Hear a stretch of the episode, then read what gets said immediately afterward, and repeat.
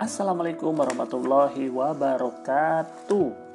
Oke everyone, kembali lagi sama gue Yas Di podcast gue yang bernama Yas. Oke, Kali ini dari bermanfaat podcast gue Gue akan ngebacain uh, kisah Nabi mencintai Rasulullah 365 hari bersama Nabi Muhammad SAW Buku ini adalah karangan dari Nur dan Damla dan Osman Turhan. Mereka adalah penulis dari Turki ya. Hari ini gue mau bacain uh, mungkin kita nggak sampai 365 hari kelamaan ya guys ya. Tapi kita akan baca uh, mungkin ya tergantung gue ya moodnya di mana.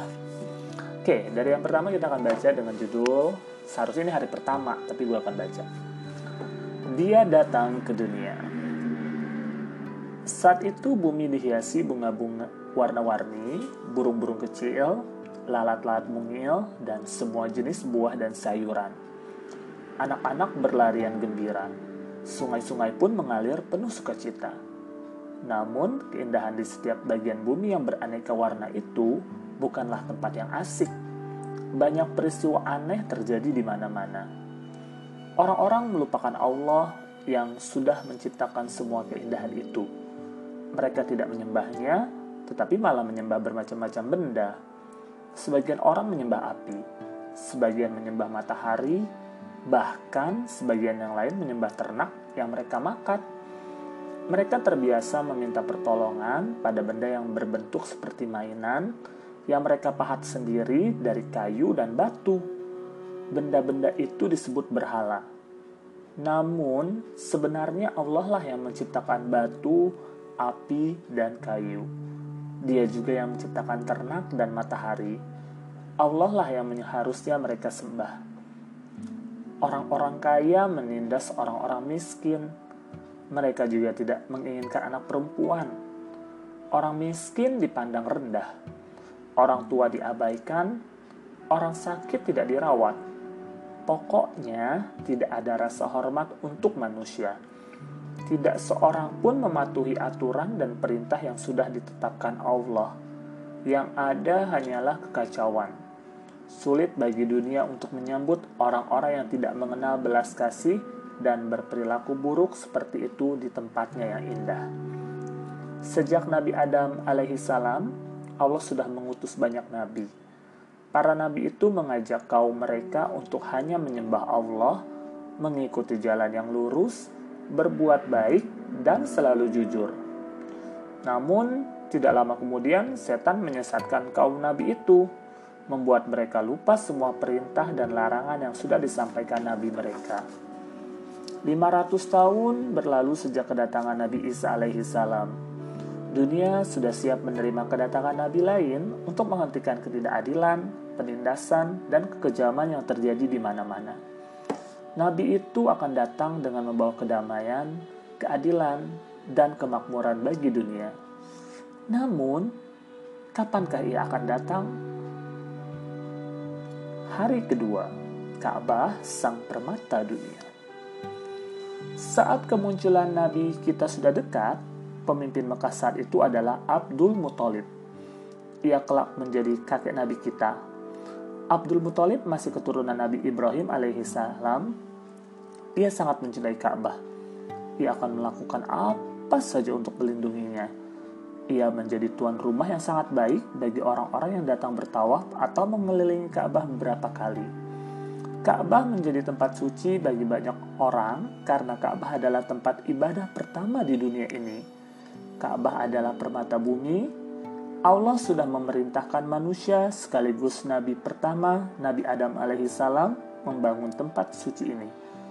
Berabad-abad sudah berlalu dan dinding Ka'bah sudah runtuh Allah kemudian memerintahkan Nabi Ibrahim alaihissalam dan putranya Nabi Ismail alaihissalam membangunnya kembali.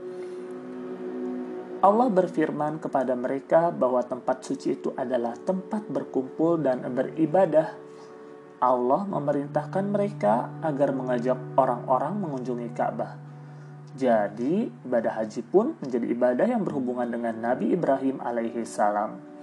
Sejak saat itu, orang-orang pun sangat menghormati Ka'bah. Namun, mereka juga mulai merupakan ajaran Nabi Ibrahim alaihissalam dan malah menyembah berhala. Meskipun begitu, mereka tetap menghormati Ka'bah. Rombongan-rombongan besar dari tempat-tempat yang jauh datang mengunjungi Ka'bah di Mekah. Namun, ketertarikan besar yang ditunjukkan orang-orang yang mencintai Ka'bah itu membuat beberapa orang jahat merasa terganggu. Di barisan paling depan, orang yang membenci Ka'bah adalah Abraha, si penguasa Yaman. Abraha ingin orang berhenti mengunjungi Ka'bah jadi ia membangun sebuah kuil besar dan melapisinya dengan emas. Ia kemudian mengundang orang-orang agar datang ke kuilnya. Ia ingin kuilnya bukan Ka'bah yang menjadi tempat suci dan pusat ibadah. Tempat suci adalah tempat khusus yang berhubungan dengan orang suci, tapi bukan nabi. Meskipun kuil Abraha sudah berdiri cukup lama, hanya sedikit orang yang datang ke sana Abraham menjadi sangat marah. Ia memutuskan akan menghancurkan Ka'bah dan ia kemudian mulai melakukan persiapan. Hari ketiga, sang pemilik Ka'bah. Untuk menghancurkan Ka'bah, Abraham membangun tentara yang besar. Suatu pagi ia berangkat menuju Mekah bersama pasukannya dalam pasukan Abraha terdapat gajah-gajah besar yang sudah dipesannya dari tempat-tempat yang jauh. Gajah-gajah itu adalah jenis gajah yang belum pernah dilihat penduduk Mekah. Abraha menghiasi gajah-gajah itu dengan kain yang berwarna-warni. Gajah yang paling kuat adalah seekor gajah raksasa yang diberi nama Mahmud. Mahmud memimpin pasukan itu Tanah bergetar saat Mahmud berjalan. Abraha yakin dalam sekali gebrakan saja Mahmud pasti bisa menghancurkan Ka'bah. Saat pasukan itu mendekati Ka'bah, mendekati Mekah, sekelompok tentara merampas harta benda milik penduduk Mekah. Di antara harta benda yang dirampas itu terdapat 200 ekor unta milik Abdul Muthalib. Dari, dari lereng bukit di dekat Mekah, tentara itu bisa melihat Ka'bah yang berkilauan seperti permata. Sebelum memasuki Mekah, Abraha ingin bertemu dengan pemimpin Mekah. Jadi ia pun menemui Abdul Muthalib. Abraha berkata kepada Abdul Muthalib bahwa ia hanya datang untuk menghancurkan Ka'bah. Jadi, kalau orang-orang tidak menghalanginya, pertumpahan darah tidak akan terjadi. Lalu Abraha bertanya, apakah ada yang diinginkan Abdul Muthalib darinya? Jawab Abdul Muthalib, tentaramu merampas 200 ekor untaku. Aku mau unta-unta itu dikembalikan kepadaku. Abraha terkejut mendengar jawaban itu. Ia berkata, Kukira kau akan memintaku agar tidak menghancurkan Ka'bah. Tapi ternyata kau hanya mengurusi untamu. Aku sudah menilaimu terlalu tinggi sekarang aku tahu ternyata aku salah menilaimu sebagai seorang pemimpin terpandang. Abdul Muthalib menjawab, Aku adalah pemilik unta-unta itu, dan aku berkewajiban melindungi unta-unta itu. Tapi pemilik Ka'bah adalah Allah, jadi dia sendiri yang akan melindunginya. Abraha sangat marah mendengar jawaban itu. Ia berteriak, dia tidak akan bisa melindunginya dariku Abdul Muthalib balas berteriak, kita lihat saja. Abdul Muthalib pun mendapatkan kembali unta-untanya dan kembali ke Mekah bersama unta-untanya. Setelah sampai di Mekah, ia segera menuju Ka'bah dan berdoa, Ya Allah, hambamu ini sudah melindungi apa yang menjadi miliknya, dan sekarang kaulah yang akan melindungi apa yang menjadi milikmu.